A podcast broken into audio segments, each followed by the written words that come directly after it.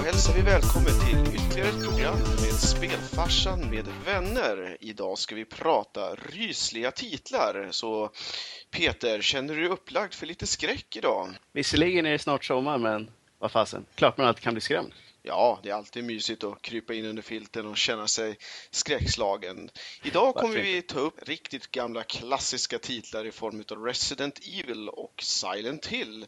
Vi kommer även prata en hel del alternativa titlar vi tycker är bra till eh, den här genren. Och idag har vi även med oss en gäst i form av Linda som ska få presentera sig alldeles själv Hej! Spelfarsan och vännen. och vännen. Och Absolut. vännen. Ja, Linda heter jag och jag, jag vill jättegärna säga att jag är skräckspelsfantast. Men jag har i alla fall varit det en gång i tiden och nu är jag kanske lite för lat för att spela spelen själv. Så jag, jag tittar mest på skräckfilmer. Hur kom du in på skräckspel då? Vad var det som blev, var tjusningen till att du ville spela dem mot andra spel? Det var ju liksom det alternativet jag hade kände jag. Jag växte ju upp i mörkaste Norrland så på kvällarna så kändes det rätt att lära sig lite zombie-fighting och sånt där. Mm. Och eh, då var det genom Playstation då, gissar jag, som eh, du kom in på detta, eller var det ännu tidigare? Playstation var det det började på. Den första gamla gråa Playstationet. Nej, men det är faktiskt samma för min del. Eh, Det var väl i första hand Resident Evil som kom in på det. Hur ser din bakgrund ut till skräcken, Peter? Det är väl Resident Evil igen, höll på att säga, och eh, att man smög över till vänner som hade rätt konsoler så man kunde vara med. Jag hade Mm. inte riktigt förstått hur stort det var innan eh, den började dyka upp hos allas hemkonsoler egentligen. Nej, jag eh, var också lite sådär för att just när det kommer till Resident Evil så var det också en kompis som en sen sommarnatt som eh, introducerade detta så att det här måste du prova och lite med så här lite och fy fan vad rädd man var faktiskt.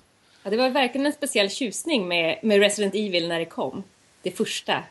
Exakt. Kusliga huset har ju alltid eh, varit en klassiker i många både skräckfilmer och spel och så överlag. Men det var ju en speciell, det var ju en liten nytappning utav hela zombie-genren som hade legat ganska död under rätt lång tid fram tills det här spelet då.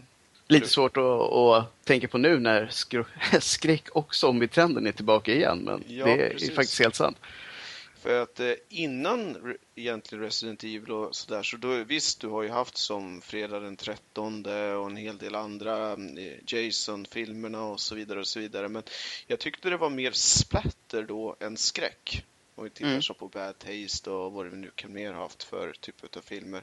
Så det här var ju mer ett, ett krypande, eh, krypande spel så att säga som verkligen satte sig på, på nerverna på en. Så var det ju helt klart. Men eh, om man ska då ge en liten eh, bakgrund till Resident Evil så kan ju du Peter göra ett försök att beskriva vad handlar egentligen själva spelserien om?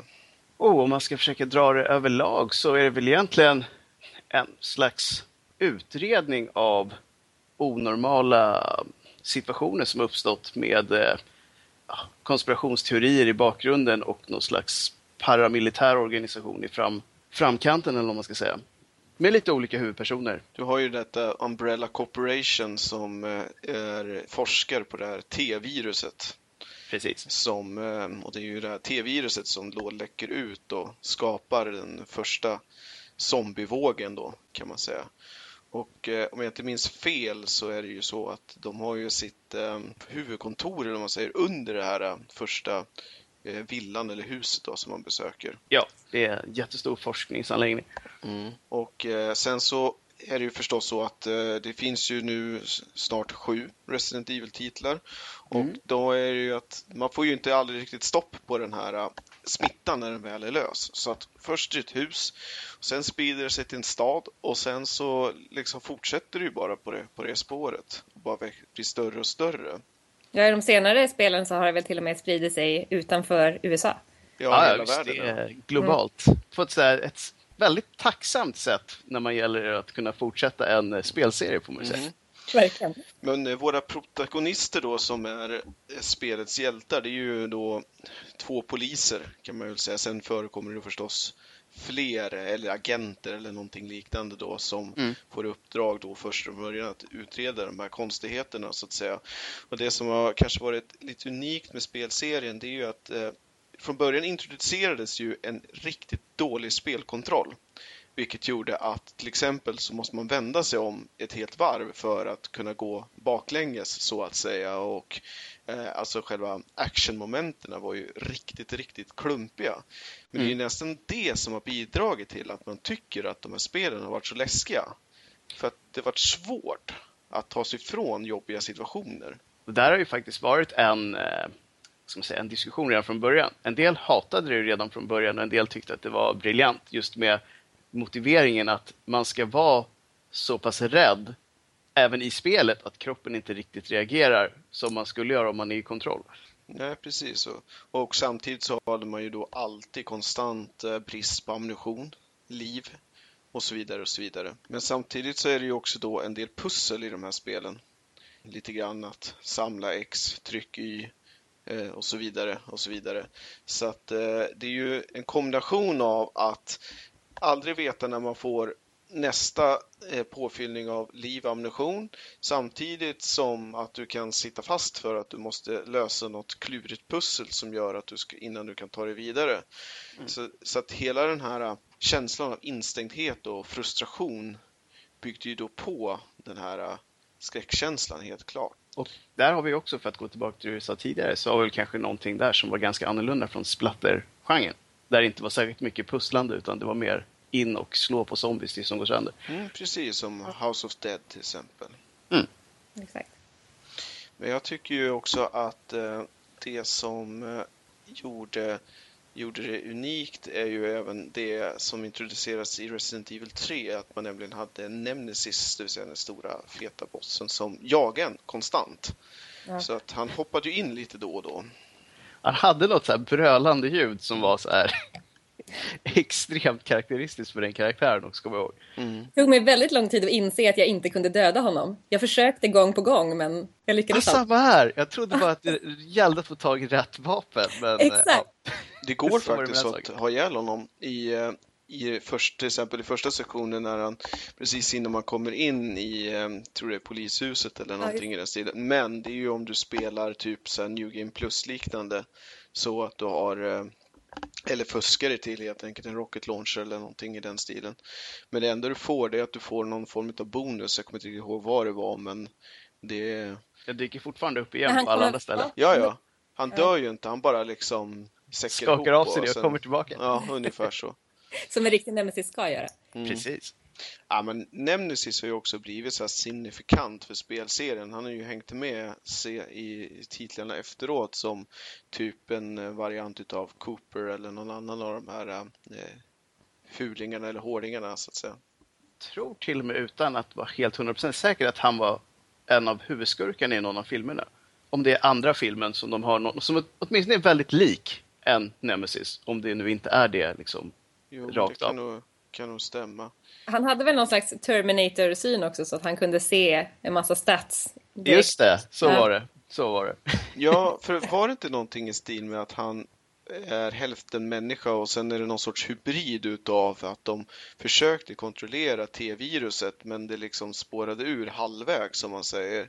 Jag Så- att det var Ja, en exakt. normal person som hade blivit angripen och istället för att typ bota honom helt så spände de fast honom i någon bår och fortsatte typ övervaka och försöka manipulera. Var det inte någon av de här från Bravo-teamet som också injicerade T-virus i sig själv? Jag har för mig att han Wesker fick för sig att han skulle bli Just det, jo, coolare. det var något sånt. Det var en Ja. jäkla skön idé. Undrar hur han kom på den? Eh, Precis. det gick väl sådär. Jaha, Ja, precis. vi brukar göra det. Fast han är ett schysst bröl. Alltså det, det ska man ge honom. Precis. Ja, ja. Han blev bitig, men tyvärr en del annat också.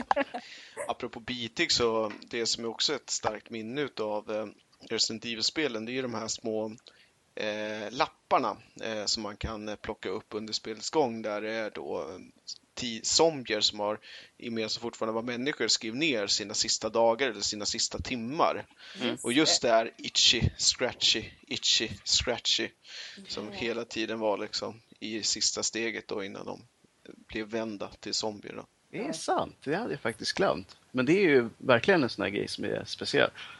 Ja, nej, men det är ju, bidrog ju också till stämningen om man nu liksom orkade eller brydde sig om att läsa de här lapparna. Men gjorde man det så bidrog det absolut till Säger de. Tidiga spelen så var det ju nästan det som var alltså själva grejen höll jag på att säga. Utöver att det var läskigt så var det ju miljön och atmosfären. Det fanns ju mycket saker att titta på. Och musiken. Och Och musiken väldigt mycket. Verkligen. Ja, nej, men det, är ju, det, det räknas ju fortfarande, i alla fall om man tittar på de första spelen, som så här uh, topp 10 eh, musikspåren eller musikkompositionerna när det gäller spel överlag. Så att det är ju absolut en del som gör stämningshöjande. Men det är samma sak. Det är som att titta på en skräckfilm utan musik. Eh, Ja. Det skulle ju vara helt poänglöst i princip. Ja, det är inte ett alternativ. Då Förutom man i- undrar, ja. fanns det skräckfilm på stumfilmstiden? Det är klart att det fanns. Det har väl gjorts en eh, Frankenstein till exempel, Just det. om jag inte minns fel. Eh, men å andra sidan så, det är klart att du kan göra surrealistiska och liksom skrämmande saker, men samtidigt så, det blir ju inte alls samma sak som när du adderar på eh, musiken på det hela. Jag kan tänka mig särskilt för oss som inte riktigt har varit med om stumfilmseran heller så måste det kännas nästan komiskt att se någonting som ska vara läskigt när man inte hör någonting på hela tiden. Vad tycker ni om eh, filmerna då, överlag? För det här är ju ett spelserie som faktiskt har blivit eh, film förstås då. Ganska jag- många filmer också tror jag. Mm. Ja. Jag är inte helt säker på att... Jag kommer ihåg att jag längtade väldigt mycket tills filmen skulle komma. Jag tror den, sk- 2000 tror jag den skulle släppas. Men jag hängde inte alls med hur de tyckte att det här var en Resident Evil-film. Nej, det blev mer en Mad Max-rulle tycker jag. I alla Mm. fall speciellt den tredje filmen. Ja, ja, men den första filmen hade ju den här tjejen som var... Hon var en röd... Röd liten tjej som var en dator, va? Precis, Ja, det var ett just det. AI som styrde Just hela det. den här forskningsanläggningen. Exakt. Och så skulle de... Eh, ja, De skulle stänga av henne först och sen så visade det sig att hon hade gjort allt rätt och så satte de på henne igen. Ja, smart. Ja. Och sen så dog typ alla. Alla. Men det, samtidigt så är det, jag tycker inte, som du säger, jag tycker inte filmerna egentligen är särskilt dåliga. Vi är särskilt, alltså de är ju hyfsat bra, men det är som du säger, de är ju inte så här hyperstarkt kopplade direkt till spelserien. Så att det är väl mer så här då kanske att det är hyfsat okej action slash skräckfilmer men kanske inte jättebra Resident Evil-filmer. Undrar om det var därifrån de fick idén att göra om spelserien till att bli lite mer action än, Mm. Survival horror. Jag tänkte precis säga det, för att eh, från Resident Evil 4 och framåt så har det känts mer open world eh, och mera betoning på action. Du är inte alls samma brist på ammunition längre. Och Nej, det är mycket inte. mera liksom zombie-mörs som till exempel Left 4 Dead eller någon av de andra titlarna. Mm. Än eh, att det var den här väldigt tajta korridorkänslan med eh, lite ammunition och lite liv då. Och en massa låsta dörrar. Precis. En massa låsta dörrar var det. Är väldigt Metal Gear Solid-varning över det hela. Ja. Det är bara man väntar på att de skulle, när man dör så skulle någon skrika Snake! Ja, det var perfekt. Kanske något svårt att komma undan med bara. Ja, jo, precis. Jag tror det. Men det är ändå lite fascinerande att ett bolag som innan Resident Evil var mest känt för Street Fighter sätter sig och gör Resident Evil av alla spel. När man ändå är inne på andra, i och med att det är Capcom som ligger bakom. Det är sant. Sen vet man ju inte heller om de hade planer på att det skulle bli mer än ett spel. Eller om det bara var så här, ja, låt honom testa den här konstiga idén så får vi se vad som händer. Ja, jo precis. Men det är ju samtidigt så är det ju, är det ju ändå rätt så eh, sannolikt att det faktiskt skulle vara just Capcom eller ett japanskt eh, spelhus som startade upp genren igen i och med att japanerna överlag är ju kända för sp- speciellt sina så surrealistiska skräckfilmer och Mm. skräcktemat överlag. Mm. Så jag tror det hade varit en helt annan grej om det hade varit typ Capcom US eller någonting liknande som hade gjort det här från start. Ja, jag, skulle, jag håller nog helt med. Det enda som saknas egentligen är ju den här typiska japanska skräckikonen, liten tjej med långt hår. Mm. Det är väl egentligen det enda som saknas. Ja, det var väl AI då i, Ja, i exakt. filmen. Det var där Det- de fick den. Det är faktiskt helt sant, så okej. Okay. Stand corrected. Mm. Men å andra sidan var inte det med i spelserien så. Nej. Men som sagt, jag tyckte, det har vi också varit inne på lite grann, men jag tyckte att eh, spelserien förlorade lite av sin charm när den flyttade ut till eh, Open World genom eh, Resident Evil 4 när man helt plötsligt skulle liksom vara i Sydafrika någonstans. Ja, precis. Man var ju någon, någon by och sprang kring. Visst att det var lite trångt där i byn, men sen öppnade ju spelet upp sig precis som om det hade varit Far Cry eller egentligen vilken annan spelserie som helst. Ja, zombiesarna pratade spanska och sprang. Det var... Just det, de sprang. Ja. Det kommer jag ihåg att det, det störde mig riktigt mycket. Ja, för zombier springer inte, de hasar. De ska ju verkligen hasa. Ja, Precis, de ska komma långsamt mot en så att man hinner öppna en cola och äta en macka och sådär. och sen trycka av sin dubbelpipiga shotgun rakt i nyllet. Rakt i huvudet. Precis. Precis. Ja, men det som upprätthöll fyran var väl att det var ganska fina pussel i det, har jag för mig. Mm. Ja, det ska jag säga, det är väl undantaget för det, det var ett riktigt välbalanserat spel. Alltså, Ja. riktigt, riktigt bra. Sen hade det ett ganska kul system där med att man samlade typ pengar eller liksom värdesaker för att kunna uppgradera sina vapen och sånt där. Just det. Så att det var ju en del så här um, eh, omspelsglädje i det hela också. I och med att du kunde samla på dig eh, ja, olika achievements och sådana saker också. I och med fyran så introducerades ju också det här uh, konceptet av att man var mer som en eh, legosoldatsorganisation så att säga som placerades ut på uppdrag snarare än att du var inkastad utan att knappt veta vad som händer och sen så helt plötsligt så måste du slåss för ditt liv för att komma därifrån så att säga. Så att det är ju Mm. också en viss skillnad i det. Å andra sidan så är det ju karaktärer som har varit med så att det ska ju liksom, ja, de ska veta vad de håller på med så att säga. Vad tror ni nu om, det ryktas ju om ett nytt Resident Evil, Resident Evil 7. Vilken väg tror ni att man kommer gå med den titeln? Alltså, Jag hoppas innerligt att det är en back to the roots eh. Exakt. Alltså det mumlas ju om det känns det nästan som varenda gång det kommer ett nytt Resident Evil-spel. Det var ju typ samma sak de sa med Resident Evil 6. Vi vet ju alla hur det gick. Men de pratar alltid om att det ska vara back to the roots. Och lyckas de göra det och få till det på ett bra sätt så är jag ju den sista som säger nej. Mm, vad tror ni? Tror att det kommer bli VR på det? VR-stöd? Det hade ju varit superobehagligt. Jag Men säga, wow. För det var det jag tänkte, Play- Playstation VR som nu ligger i startgrupperna här och att eh, det borde vara en perfekt titel för att göra något sånt. Frågan är ju bara om de har liksom råd att inte lyckas med det, eller vad man ska säga. Nej, jag tror att de kommer att eh, göra en ganska safe bet att faktiskt eh, plocka tillbaka det till eh, eh, lite originalstuket därför att specifikt med att vi har haft eh, hela Dark Souls-serien nu så är det okej att göra tajta, svåra spel igen. Mm. Och då skulle det bara vara dumt att inte göra ett tajt, svårt spel som dessutom skulle ha stöd för VR som i, i den här typen av genre är faktiskt en av de egentligen få genrer där jag tycker att det faktiskt skulle funka riktigt, Mm. riktigt bra. Så Absolut. de har ju verkligen eh, alla möjligheter att få till det här nu. Absolut. Vad vet vi om det? Vet vi någonting? Inte mer än att det gick från att vara typ väldigt mycket rykten till att det är lite mindre rykten och kanske något korn av sanning att det här är på gång. Ja, det, det var inte typ, bekräftat ens va? nej, det är mer att lite mer viktiga personer har börjat mumla lite grann om det än att bara, ja, förut så var det lite olika spelsajter och sådär.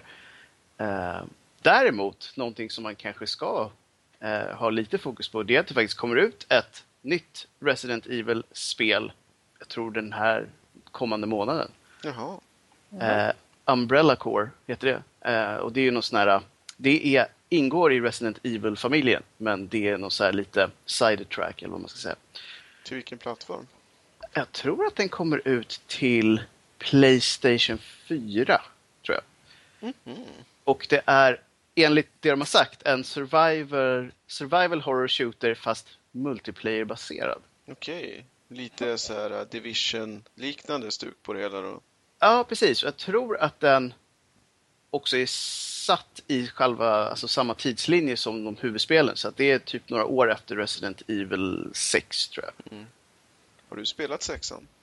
Inte rakt igenom. Det är ett antal, jag tror det är fem eller sex kampanjer i det spelet. Jag tror jag har kört de första två av dem. Mm. Är det någonting som du rekommenderar? Jag har nämligen bara tagit mig till Resident Evil 4. Eh, ja och nej skulle jag säga. De är väldigt olika. Alltså de hade ju någon sån här lite häftig idé i och för sig om att varje kampanj skulle ha olika traces från tidigare spel. Mm. Eh, så att typ någon kanske var lite mer action som i 4 och 5 Någon var lite mer som ettan och tvåan och så vidare och så vidare. Men problemet blev ju att pacingen blev väldigt konstig. Eh, och det var liksom lite schizofrent och sådär. Och så kanske det var så att de tappade lite personlighet. Det blev väldigt mycket spel men kanske inte jättetajt alla gånger. Ja, Okej. Okay. Eh, Linda, om du skulle rekommendera, vilka är dina favorittitlar då till den som kanske inte har spelat Resident Evil överhuvudtaget? Jag tycker definitivt att Resident Evil 1 är riktigt, alltså det var ju den som verkligen fick mig att fastna för det här. Och det är ju dels den riktiga originalet, sen spelade jag också när de gjorde om den till GameCube. Mm. När man Aha. slapp byta skiva mitt i spelet. Vilket Så var... nice. Ja, eller hur? Det känns framtid. Eh, men sen, jag gillade också Code Veronica. Ja, just det. Det var ah, väl också så något bra. Uh, sidesteps-aktigt mm. uh, titel. Som uh, aldrig tog slut. Nej, just, Nej, just det. det. Det var verkligen så här, okej okay, nu har jag dödat sista, sista bossen här och sen kommer en helikopter och sen kraschar man någonstans. Och det hände flera gånger. Det var det som kom efter trean, men ja. innan fyran. Exakt. Det kom ju något sånt där shoot em up-spel däremellan också, men, men det spelade jag aldrig. Nej. Spelade ni Dino Crisis? Lite grann, men eh, inte igenom. Nej, för det var ju också som ett variant utav samma sak fast med dinosaurier. Mm. Det låter sig ganska coolt. Man kan, aldrig bli fel med dinosaurier. det var som Turok i Resident Evil-manér. Eh, liksom. det låter faktiskt ganska sweet. Mm. Ja, jag skulle själv eh, säga nog eh, Resident Evil 3 mest därför att det är det spel jag tycker håller bäst eh, standard även idag men samtidigt så vill man ha hela storyn så, så är det klart att man ska gå igenom allihopa. Jag tror till och med det finns någon HD remake-variant också men inte Ja, det gör det. Helt, ja. De första två spelen eller de första tre spelen, jag vet inte exakt vilket av dem det är. Mm. Du då Peter, vilka är dina favoriter? Första måste man ju bara ha, så är det bara. Men eh, fyran för mig. Det är ingen snack om den saken. Mm. Mm. Intressant. Ja, med det så tycker jag att vi eh, rundar av Resident Evil då och eh, beger oss in i eh, Silent Hill, Linda, som kan få beskriva lite grann vad denna spelserie handlar om. En fantastisk liten spelserie som eh, har, där alla spelen har en väldigt fin liten backstory tycker jag. Där de huvudpersonerna på ett eller annat sätt hamnar upp i den här, hamnar i den här konstiga lilla staden som, eh, som verkar helt övergiven men, in, men inte riktigt är det. Och eh, den här staden har två dimensioner. En som är den vanliga världen och en som är the other world tror jag de kallar den för. Ah, okej. Okay. Cool. Där det händer märkliga saker. Och det är väldigt mycket baserat runt någon slags kult som finns i den här staden. Bland mm. de människorna som fortfarande finns kvar här. Så det är lite spirituellt och lite voodoo-känsla på det hela om man säger. Exakt. Och där så kommer ju då spelets hjälte in i det hela. Precis, som alltid hamnar Och jag tror första spelet så, så, om jag inte minns helt fel nu, ni får rätta mig om jag har fel, eh, så är det en kille som heter Harry som får ett meddelande, ett brev kanske, av sin eh, avlidna fru. Hon har varit död i ett par år. Och får ett meddelande om att mötas upp i Silent Hill där de kanske gifte sig eller spenderade sin, eh, sin eh, smekmånad. Ja, det stämmer alldeles utmärkt. Och han beger sig dit för att hitta henne. Och mm. träffar en massa, massa andra knepiga människor som också har hamnat där på ett eller annat sätt. Mm. Precis. Och eh, sen löper det ju på, man säger så här att det har ju gjorts åtta stycken varianter utav Silent Hill fast även om de är lite i, eh, vissa är så remasters och andra är eh, ja, eh, olika tappningar precis som i Resident Evil men eh, originalet då, första Silent Hill från, är eh, från 99 så det måste ju också varit ganska tidigt i eh, Playstation-eran. Ja, det var det ju. Det var ju också till första Playstation 1 som den kom. Var det också något som du spelade upp i de norrländska skogarna? Exakt. Det måste, ju det måste bidragit till känslan överlag om man säger så. Ja, verkligen. Det gjorde det. Det var en sån härlig titel. Jag minns att det första som skrämde mig verkligen var när man hamnade jag tror att han hamnade i en skola och det var ett, en katt i ett eh, skåp, ett av elevskåpen. Mm. Och och efter det så var jag livrädd, men jag var ändå tvungen att spela igenom de här spelen. Ja, ja men det, det är det som är tjusningen med att vara rädd överlag. Att samtidigt som man är rädd så blir man ju nyfiken. Så man vill ju veta vad det är som verkligen har hänt för att kunna bilda sig någon sorts eh, greppbar känsla av om vad, vad det faktiskt var som hände så att säga. Verkligen. Men är det inte lite alltid så? Alltså, även om man vet innan att om jag öppnar det här skåpet så kommer det i bästa fall vara något som inte skrämmer jättemycket. Man måste ändå fram och öppna det. Ja, ja. Det, Det ju- liksom, det går inte att stoppa sig själv. Nej. Mm. Och sen så när ja, då handlingen löper på här så eh, kommer det ju lite hemskheter då som man måste ta sig an då med eh, eh, speciellt sin liksom ficklampa då. Exakt. Man, man blir ju alltid lite förvarnad om, eh, om det kommer såna här... eh, Om det kommer monster i närheten med någon elektronisk utrustning som man har med sig. Det är lite olika genom alla spel, men, men man får ju alltid veta att det är på gång och då får man hantera det på bästa sätt. Till skillnad från Resident Evil så har man ju inte riktigt ammunition och Nej. coola vapen. Nej, precis, utan man har ju en, en väldigt an, en lite annorlunda approach till det och det är det som jag också tror som gjorde det spelet så unikt. Att det inte var det här äh, tunga vapenmörsandet som, som gällde då. Nej, precis. Man hade väl i bästa fall en, en pinne. Mm, precis. Och det är ju, då känner man sig också väldigt då sårbar och eh, ja, eh, rädd kanske då i någon mening.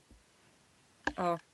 Det kom ju ett, eh, en variant av den till eh, Nintendo Wii Mm, som hette Shattered Memories. okej. Och eh, där gick det ju ut på att man skulle springa ifrån dem hela tiden. Så det hade man inget vapen. Det fanns inte ens ett sätt att döda dem. Just det, det, Ja. det var inte så himla många år sedan den kom. 2009 för att vara korrekt. Så det var lite fler än jag hade för mig, men ändå inte så här jätte, jättelänge sedan. Och, det, och det intressanta är att eh, titelbilden på Shattered Memories är en liten flicka som sitter på en gunga. Och fälla om tår antar jag. Ja, precis. Ah, I knew it. Hon Som är frusen tror jag. ja, hon är helt nedfrusen. Ja. Så här isig. Känns väldigt japanskt. Mm. Det är... Var The Otherworld i den en frusen värld? Eller hur var det? Ja, precis. Det var väl så vinter, någon form av vintertema i alla fall på det hela. Ja. Ja, Jag minns att man hade en mobiltelefon. Det var den tekniska utrustningen som man hade som varnade när monstren kom nära. Men den kunde man också använda till mycket andra saker. Vilket var lite coolt. Lite så här sidogrejer bara som gjorde, gjorde spelet ganska mysigt. Till exempel så fanns det affischer uppsatta i stan med eh, telefonnummer som man kunde ringa till. Det, det var inget, ingenting som förde handlingen framåt egentligen, men man kunde ringa och det var, det var ganska mysiga små sidohistorier. Men inte det en ganska häftig grej med många just skräckspel? Att de har någon så här skum trend att kunna vara småmysiga. Verkligen. Samtidigt som de är så här riktigt, riktigt obehagliga vid andra tillfällen. Verkligen. Och det tycker jag är lite häftigt, för det känns som att det är väldigt få genrer som går ihop den myshemska känslan som en del av de här skräckspelen lyckas med. Ja. ja, och Silent Hill har ju lyckats med det otroligt bra. Det finns ju till och med ett så här uh, skojslut på Shattered He- eh, Memories där uh, du har det här ufo-slutet. Just det, det har de ju lagt till till de flesta spelen tror jag. Det, finns ju, det, det är också lite spännande med eh, Silent Hill. Det är, inte, det är ju linjärt fortfarande. Men, men det finns ju ändå vissa saker som du kan göra annorlunda under spelets gång vilket gör att du får olika slut. Jag tror att det finns till och med upp till fem olika slut i vissa. Men de har alltid inkluderat ett ufo-slut. Är det ett av de fem då, eller är det så här äh, en Ja. extra extra? Ja, det är ett av de fem. Det, det intressanta med ufo-slut är ju att um, det förekommer ju i nästan alla Grand Theft Auto-spelen att du Mm. kan hitta en koppling till aliens. Det finns alltid något gömt ufo någonstans. Och det tror jag inte är unikt för just de här spelen utan det är ju något som man har slängt in i ända sedan Duck Hunt i princip. Absolut. Men hur är, blir man besviken när man får ufo-slutet? Nej, jag tror att det är mer så här känsla av att man är hemma liksom. Ett bra spel ska ha ett ufo-slut. Ett bra Silent Hill-spel ska definitivt ha det. Ja, Annars är det inget riktigt Silent Hill-spel. precis. Precis. Och för den som eh, är sugen på att plocka upp det här idag så finns också en Silent Hill HD Collection som är till PS3 och Xbox 360. Jag gissar att det kanske även finns för eh, Xbox One Download eller någonting liknande. möjligen. Ja. Man gjorde ju eh, senaste riktiga Silent Hill-spelet är ju Book of Memories som släpptes 2012 mm. till PS Vita av alla spännande konsoler. Jag har inte spelat det men vilket väl kanske betyder att man kan köra på PS4 också. Det är rätt många av dem som går att köra på den. Tror ja, jag. Precis. Hur länge hängde du med i Silent Hill-spelen då, Linda? Var det fram till Wii eller har du spelat flera efter det? Jag har eh, spelat fram till den som heter The Room, vilket jag tror är fyran. Mm, mm. Precis. Och sen Wii-spelet. Och sen har jag också spelat den här eh, senaste Playable Teasen som kom ut. Mm. Ja, just det. Det ryktades ju om ett nytt Silent Hill, men det, som jag förstod det som så är det helt lagt på is, eller att de har bekräftat att det inte ska bli något nytt. Precis, de la ju ner det. Det, var, det skulle göras alltså, gemensamt med han... Eh, Hideo Kojima, ja. Ja, och han den här skräckfilms... Eller han... Vad heter han? Ja, nu kommer jag inte ihåg vad han heter. Han som har gjort Pans labyrint. Ja, just, just det. det. det. var ju en rätt stor grej ett tag till och med. När de pratade om det att så här, typ tre masterminds som skulle jobba ihop något riktigt, riktigt bra. Ja, precis. Men det är ju eh, det var ju rättighetsknas jag för mig som satte mm. stopp för det. Som det oftast är. Han slutade väl på Konami, tror jag? Jo, jo, precis, precis det och sen så var det väl att Capcom inte riktigt ville släppa varumärket heller på så sätt. Så att eh, i och med att det, Capcom och Konami har väl inte alltid varit Jättebra Friends heller. Ja. Du har ju, det var mm, med ursäkt för uttalet då, Guillermo, Guillermo del Toro eller någonting i den Just det, Guillermo. Mm. som skulle vara med och eh, skriva. Jag tror att det kunde blivit jäkligt grymt faktiskt. Jag tror att det hade blivit hur häftigt som helst. Alltså om man bara utgår från den här playable teasern som de släppte som var fantastisk. Mm. Så hade det verkligen kunnat bli riktigt bra. Har, har ni spelat den?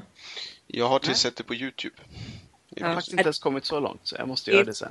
Underbart upplägg där man bara går runt, runt i samma korridor om och om, och om igen. Och så händer det lite olika saker. Det är... Ja, cool.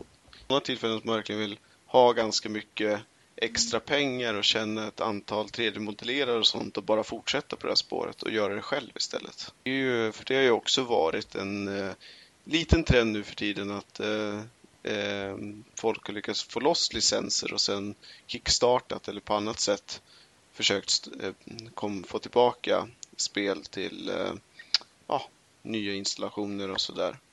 Mm. Men samtidigt är det ju så att det, det, krävs ju som någon som är duktig på att göra spel också för att det ska bli ett bra spel. Det är inte bara ett franchise. Nej, och sen Nej. så är det väl här inte riktigt vilket franchise som helst heller. Mm, precis. Mm. Nej, men som sagt, jag tycker att Silent Hill är en absolut värdig eh, Eh, titel utav de här eh, stora definitiva titlarna till just som gjorde Playstation till vad Playstation är idag då till, tillsammans då förstås med eh, till exempel Final Fantasy 7 och med Tekken och med Gran Turismo och så vidare och så vidare. Som, det var ju en lycklig sammansättning utav många spel som gjorde att plattformen har blivit så total dominant som den faktiskt är idag. Mm. Ja, så, är det. Det... så det är lite roligt att båda de här franchisen faktiskt kommer från Japan. Det, är inte, det var inte helt självklart att det bara skulle vara de som blev så här himla stora egentligen. Men det är väl mycket bra skräck som kommer från Japan överlag? Alltså vi var inne på, just men att liksom inga andra hakade på trenden är ju egentligen lite roligt. Ja, ja och varför inte eh, Nintendo 64 till exempel hoppade på skräcktåget ordentligt. Det har ju för sig gjorts Resident Evil till 1964 också.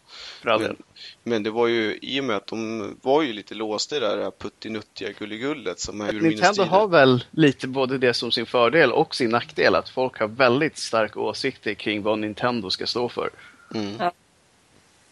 Jo, det har väl de försökt ändra på lite grann. lite grann. Han slängde ju in till exempel som vi pratade om i ett par avsnitt sen eh, Killer Instinct då till um, mm. Nintendo 64. Men det var lite för sent. Tåget hade liksom redan gått. Ja, och det är väl hur mycket man än slänger in så kommer det fortfarande vara Super Mario och Zelda och liksom Yoshi's Island och sånt mm. som folk mentalt kopplar till den eh, konsolen först och främst. Plus att man inte hade några FMV-sekvenser på grund av att man inte hade då CD-formatet och så kunde man ju inte ta fram det som kanske den tekniska plattformen eh, inte riktigt hade hela vägen utan man kunde ju rama in det med mm. filmsekvenser. Vilket, är, vilket egentligen är lite paradoxalt för att backar man bandet ett par år innan så försökte man ju det med sådana här eh, vad kallades de för, de interaktiva filmerna i princip i tidigt 90-tal. Eh, Just det. Som man helt enkelt bara la ner helt och hållet för att det var ingen som ville titta på det i och med att det var så pass dåligt i princip eh, gjort då. Men ändå så var det ändå filmsekvenserna som på, på många sätt plockade fram många av de här spelen. Men det, det där kommer ju tillbaka. Är, man kan titta nu, titta på till exempel Uncharted till exempel. Det är ju lika mycket film som det är ett spel. Du trycker mm. lite emellan men så att den här eh, gränsen mellan när det är spelbart och när det är film, den är ju, börjar bli väldigt, väldigt luddig någonstans. Så är det. Verkligen. Så är det. Men jag tror att det också har varit en grej varför Silent Hill och Resident Evil har hållit så bra, i alla fall de första spelen åtminstone då, att man hade ju tempot i det också. Man blev ju liksom tvingad framåt av någon av anledningen då att man för det första ville liksom klara livhanken och sådär. Men att det blev ju inte så stilla så att det, eh, det mådde ju bra av att man hade det här eh, tempot då förstås genom hela, hela spelet.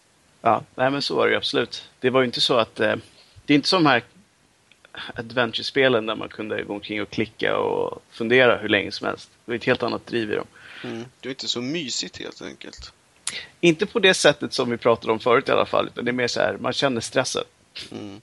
Ja, det är ganska befriande att slippa samla svampar i alla fall. Det är det. är Sen kan man just i Silent Tills fall fundera på om man har käkat svampar, men det är en helt annan. Helt annan. mm. Har du några sista ord du vill addera till Silent Hill innan vi börjar titta på övriga titlar, Linda? Nej, jag säger bara spela den här Playable-teasern. Den är fantastisk. Mm, ja, det låter bra. Det ska vi absolut göra. Jaha, Linda, står du och rotar efter en blodig lever. Jo, till skillnad från zombiesarna vill man ju känna att man lever. Vill du också ha tag i en unik lever, kom ner till Lasses Tes i Rissne. Ja, med det så ska vi då dyka i eh, våra andra favorittitlar just runt eh, skräcktemat då. Och där kan vi ju börja med att kasta in eh, Left for Dead. Mm. Är det någon mer än jag som har ett trevligt relation med den titeln? Jag har spelat det riktigt, riktigt mycket faktiskt. Ettan ska jag väl säga. Eh, även fast jag har förstått att tvåan är i stort sett likadan. Mm. Det är ingen större skillnad i princip. Same, same but different. Eh, men, men där får man ju vara ganska på det klara med att jag tycker att det som gör det spelet bra är väl kanske inte att det är så fruktansvärt läskigt utan mer att det är ett spel som är roligt att köra med vänner. Mm. Eh, och väldigt tempofyllt. Left 4 Dead är också eh, den demotitel som Starbreeze använder sig av i sin Star VR som de försöker knåpa ihop. Det är ju lite häftigt ändå. Mm. Men vi får väl se, det är alla spelbolag ska ju ha en VR-hjälm nu för tiden så att oh, så är det. får vi se vad det tar vägen. Jag tror att det kan bli väldigt spännande. Ja, det, om de får till ett sånt spel i VR så uh, skulle jag definitivt vilja testa det. Så mm. är det. Ja, verkligen. Ja. Sen som sagt, så som du säger, det är ju viss skräckpotential, men det är ju mer det här uh, alla dom-varianterna. Det är mera röj så att säga. Att, ja, det är så här, spring för livet och det kommer väldigt mycket saker som vill ha ihjäl dig hela tiden i stort sett. Mm. Det, och då kan man ju ta raka motsatsen i form utav Amnesia då, som släpptes för ett, eh, vad hur många år sedan är det nu? Ah, det måste väl vara ett tag sedan. Jag vågar faktiskt inte riktigt på exakt årtal på det, men nytt nog för att vara med i den nya omgången skräckspel, men gammalt nog för att ha fått en uppföljare kanske vi ska säga. Mm. Precis. Vad är det som gör detta spel då till att vara ett värdig titel att vara med på den här listan? jag tyckte det var extremt obehagligt höll jag på att säga, men, men det är just det här, man hade inte en aning om någonting. Spelet börjar ju i stort sett med att man är i ett rum och man vet inte varför, hittar ett brev från sig själv som i stort sett säger att du måste ta dig ner i den här äh, byggnaden och göra ett antal saker för att annars kommer ännu mer hemskheter hända och det är allt man har att gå på. Mm, det låter ju inte så helt optimalt. Nej, redan där så kände man ju så att ja, det här kan bli det här kan bli riktigt, riktigt bra och det blev det också. Lite grann som att plocka in diskmaskinen alltså. Lite som det, precis. Mm. Man vet att det måste göras, men det är inte särskilt roligt. Nej, precis. Nej, exakt. Nej, men de, och de var ju också, lyckades ju verkligen med den här stämningen. Ja. Och berättarperspektivet tycker jag är ganska snyggt. Från hans, verkligen. hans sida. Det kom ju också ett gäng anime-serier baserat på spelet Jaha. Eh, efteråt också. Det var mer än jag visste. Ja, det är väl för sig inte helt ovanligt. Det brukar det göras på eh, ja, uppmärksammade spelserier då, men eh, jag har, jag har inte spelat spelet själv, men jag har ju hört att det ska vara något som man bör testa om man är intresserad av genren överlag då. Mm. Det ska man absolut göra. Det tycker jag. Mm. Det är ett långt och härligt spel också.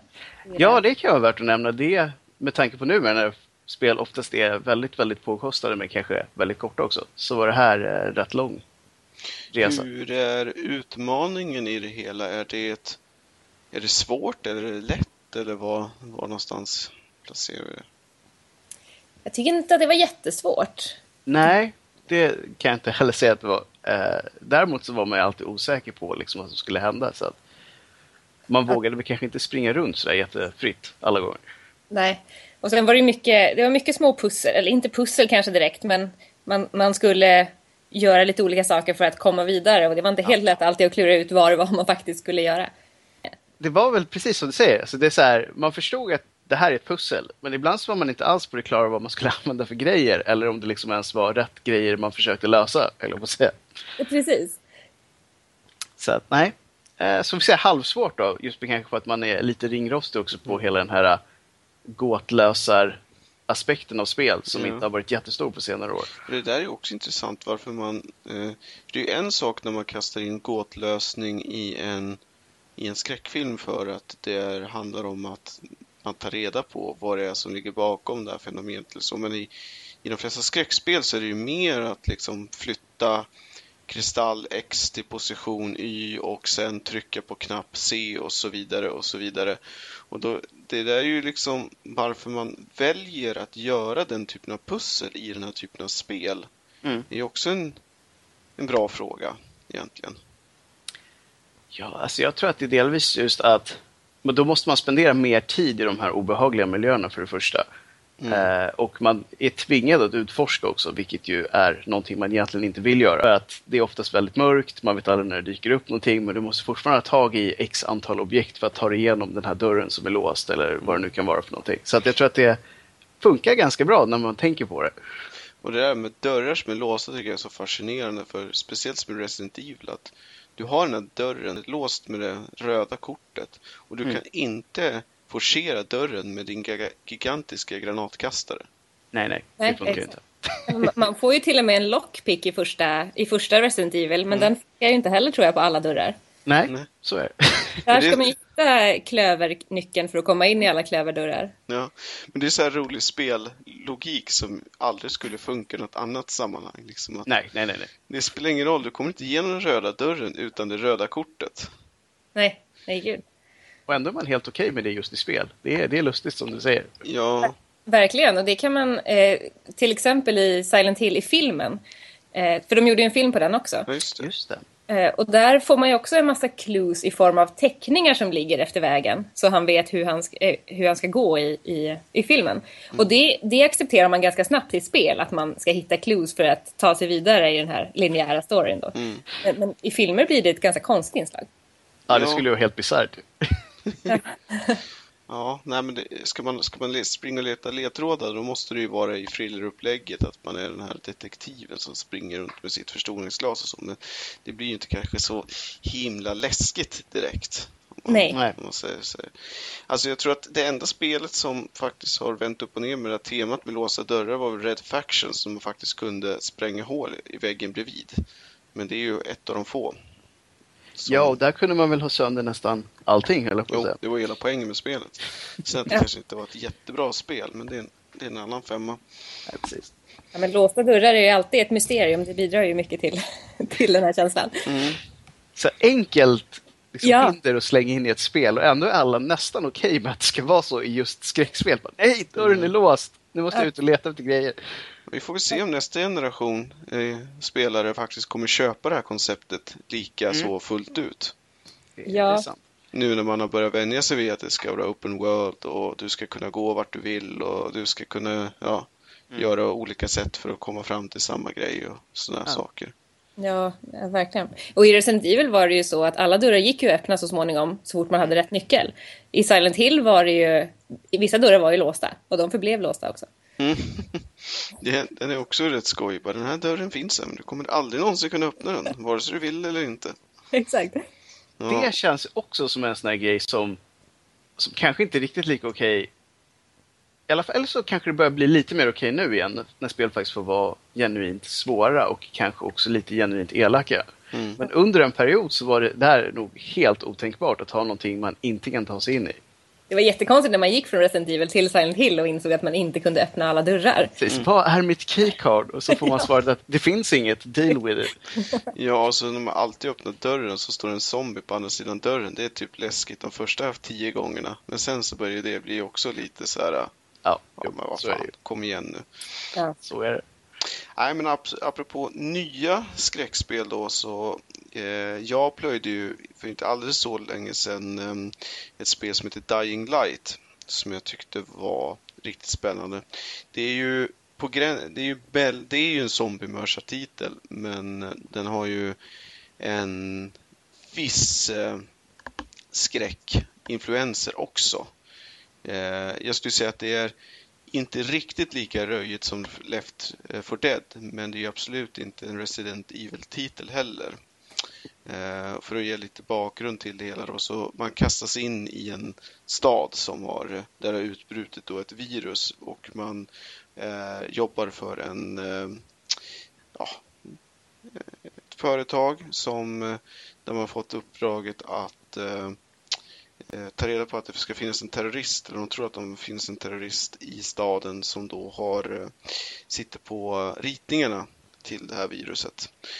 Och det som var lite speciellt med Left 4 Dead är att du, visst det finns skjutvapen och så, men eh, från början, den stora delen av spelet, så går det ut på att du plockar upp tillhyggen, typ som ligger på marken i form av järnrör och ja, spikförsedda brädor och annat. Och sen så har då alla vapnen en, eh, man förbrukar dem så att de går sönder. Så att du behåller inte vapen särskilt länge. Så att det är lite annorlunda upplägg på så sätt. Och sen är det mycket, det är en hel del plattformande också i det hela. Att du, du hoppar och klättrar mycket och så vidare. Mm. Men det är ändå ett spel som jag kan rekommendera för jag tycker att storyn är eh, både gripande och bra.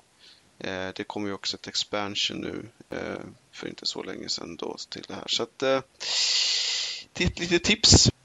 Ja, nej, det, just det där som du säger också med saker som går sönder är ju någonting som finns med i en del just skräckspel, skulle man Mm. kunna säga.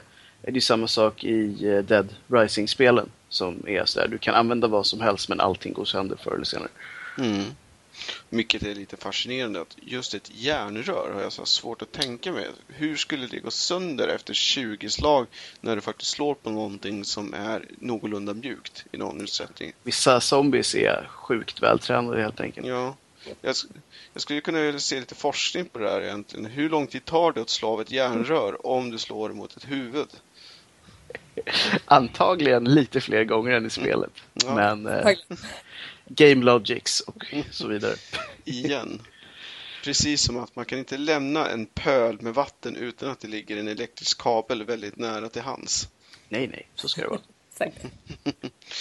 Ja, det är, men det är också intressant det här med zombier överlag. Liksom att, eh, en zombier, visst, de har funnits med under många år och det är inget unikt för spelvärlden. Men det är ju spel, jag skulle vilja påstå att det är spelvärlden som har format hur den moderna zombien ser ut idag. Om man Mer filmer. än filmer menar du? Ja. Ja, det håller jag nog helt med om. I alla fall på senare år. Eh, även fast det har kommit mycket zombiefilmer, för all del. Jo, men, jo, visst. Men, gått... men zombietrenden i spel har varit stark. Ja.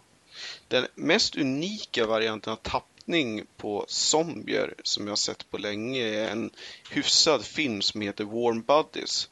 Där zombierna är, vissa zombier är liksom någon sorts mellansteg mellan att vara zombier och människor. Så att de har fortfarande lite känslor även om de till största del är bara hjärndöda. Det vill säga att de har varit hjärndöda och sen börjar vakna till, till liv igen om man säger. Mm -hmm. Just det, var inte det här någon uh, ungdomskärleksfilm? Jo, egentligen? jo, det är ja. ju Twilight-stuk på det hela. Ja. Men jag tycker det var en intressant tappning mot alla de här andra hundratals filmerna där det är eh, ja, tvärtom då, om man säger. Mm. Ja. Du har ju iZombie också, om den här tjejen som vaknar upp efter en våt fest och inser att hon är zombie. Fast hon har ju liksom sinnet med sig. Det är bara det att hon inte kan dö och när hon käkar någonting så ser hon ju hur personen blir mördad. Ah. Så, så då så hjälper hon en kommissarie typ att utreda brott. Det är en liten speciell twist på det får man ju säga.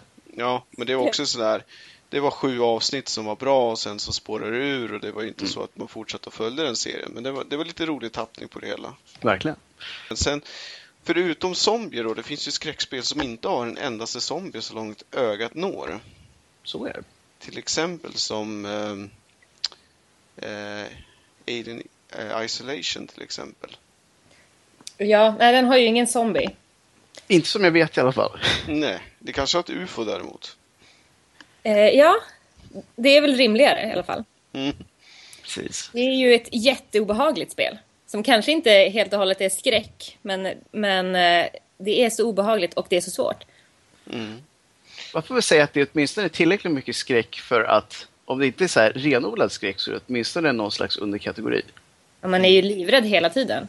Precis. Så fort man börjar höra stegen av Alien så är man ju liksom då vet man ju nästan att man är död också. Jag har försökt mig på att spela det här spelet och jag är nästan säker på att jag bara har spelat samma tio minuter om och om och om igen. För att det är så himla svårt.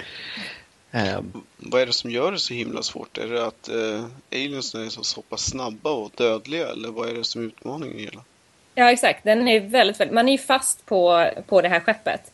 Mm. Och alien är ju där, någonstans, mm. hela tiden och man vet ju om det. Så man får ju, man bygger, där bygger man också ihop, eh, man samlar lite olika grejer och så kan man bygga ihop en liten bomb typ som man kastar så att alien ska springa åt ett annat håll så att man själv ska kunna springa vidare åt ett annat håll. Mm. Men den där alien hinner ju ifatt den varenda gång. Mm. Det, det, är så svårt. Om jag minns rätt nu, nu var det för sig ett bra tag jag på med det här spelet, så man är väl dottern till Ripley? Mm, ja. Det stämmer. Och man ska typ ta reda på vad det var som hände egentligen. Så man åker till någon rymdstation eh, där allting utspelar sig. Precis. Ja. Apropå Ripley, det ryktas ju om att det ska komma nya filmer nu. Ja, jag hörde det också. Med samma, samma roll. Eh, ja, mm. precis. Ja, det, det som var, jag är ändå inne på Aliens, så Eh, den senaste Alien-filmen Prometheus, eh, som för övrigt är en bra film rent allmänt så. Eh, och just det här med hur man kopplar vad som är skrämmande och läskigt och så. Det, eh, när jag såg den här filmen så var det så här, för mig så var det nästan så att man var skrattretande. Därför att bara någon månad innan Prometheus kom ut så besökte jag ju eh, platserna där 90% av filmen spelas in. Det vill säga på Island så har de ju Gullfors, det vill säga det här stora vattenfallet som i början av filmen när han typ mm. ramlar ner. Och sen så är det en del av nationalparken där de spelar in det, där själva det här skeppet är och allt det där. Mm. Och då förtar ju det hela stämningen. Det skulle ju vara som om man bygger ett spel på eh, på Säffle och sen så helt plötsligt så är det ett zombie som sticker ut eh, huvudet ur eh, Lasses eh, kebabhylla liksom. Det är, det, det är inte så att man skulle bli jätterädd då. Eller väldigt rädd. Eller väldigt rädd. Ja, Man eller så tyckte är att Lasse så. var en trevlig kille innan liksom. Mm. Och så har han blivit zombie, stackarn. Precis. Ja. Men för att komma tillbaka till Alien Isolation, någonting som är lite häftigt med det spelet, som kanske inte är jättevanligt numera, är att i väldigt, väldigt stora delar av det spelet så pratar vi om en alien och inte flertal. Och det går inte att ha ihjäl den här äh, varelsen hur mycket man än försöker. Men man ska ju bara lura honom Precis. och springa iväg från honom. Precis. Vilket, vilket ju liksom stegrar upp den här skräckkänslan mycket mer, eller obehagskänslan mycket mer. För att man vet att man inte kan... kan Man vet ju att kommer den här ifatt mig så är det över. Precis. Men det är, ja. Och, och Alien har ju också ett ganska schysst bröl, om vi ändå är inne på folk som springer efter den. Så är det ju. Det är ingenting man vill höra sådär jätteofta. Nej, precis. Så att det är titlar med bra bröl, det är det som gör det hela. kommande episod. Kommande episod. Mm, precis. Vi, är- när du minst anar det så ska vi göra ett brölavsnitt. Precis. Ja, har ni någon mer goding som ni vill ehm, prata om innan vi summerar ihop det här programmet? Jag ska bara säga kort blurb så får man väl nämna Zoma som nytt spel som verkligen är eh, skräck, sci-fi och häftiga liksom både tankar och story. Mm. Ja, det är ju också förhållandevis nytt 2014 något sånt va? 2015? Ja. Något sånt är det. Eh, och förvånansvärt bra story får man säga. Ja, för där är väl aldrig riktigt någon alltså fiende på så sätt, utan det är väl mer att eh, utmaning i miljön om man säger. Exakt. Eh, det, det är mer sådär, vad är det som pågår här och hur ska jag få reda på det? Ja. Ja, det, det är ett sånt där spel som har legat på min lista men som jag liksom aldrig kommit mig för att spela så det kommer nog sluta med så här Youtube-sittning skulle jag gissa på. Ja, oavsett vilket det blir så eh, om man tar sig tid att gå in i det så, så blir man inte besviken. Ja, det låter bra. Ja, men eh, då tackar vi för oss för den här eh, gången. Vi ska tacka Linda förstås eh, och så ska vi prata lite grann om vad som händer nästa vecka. Och då ska vi ge oss in i eh, Moba-genren och vi ska prata Dota 2. Jag kommer att ha med mig en kär vän som är riktig eh, hård nörd på detta och han ska hjälpa oss att gå igenom Dota och vad det är som gör Dota så fantastiskt. Så med det så säger vi tack och hej och på återseende. Det gör vi. Hej hej! Hej!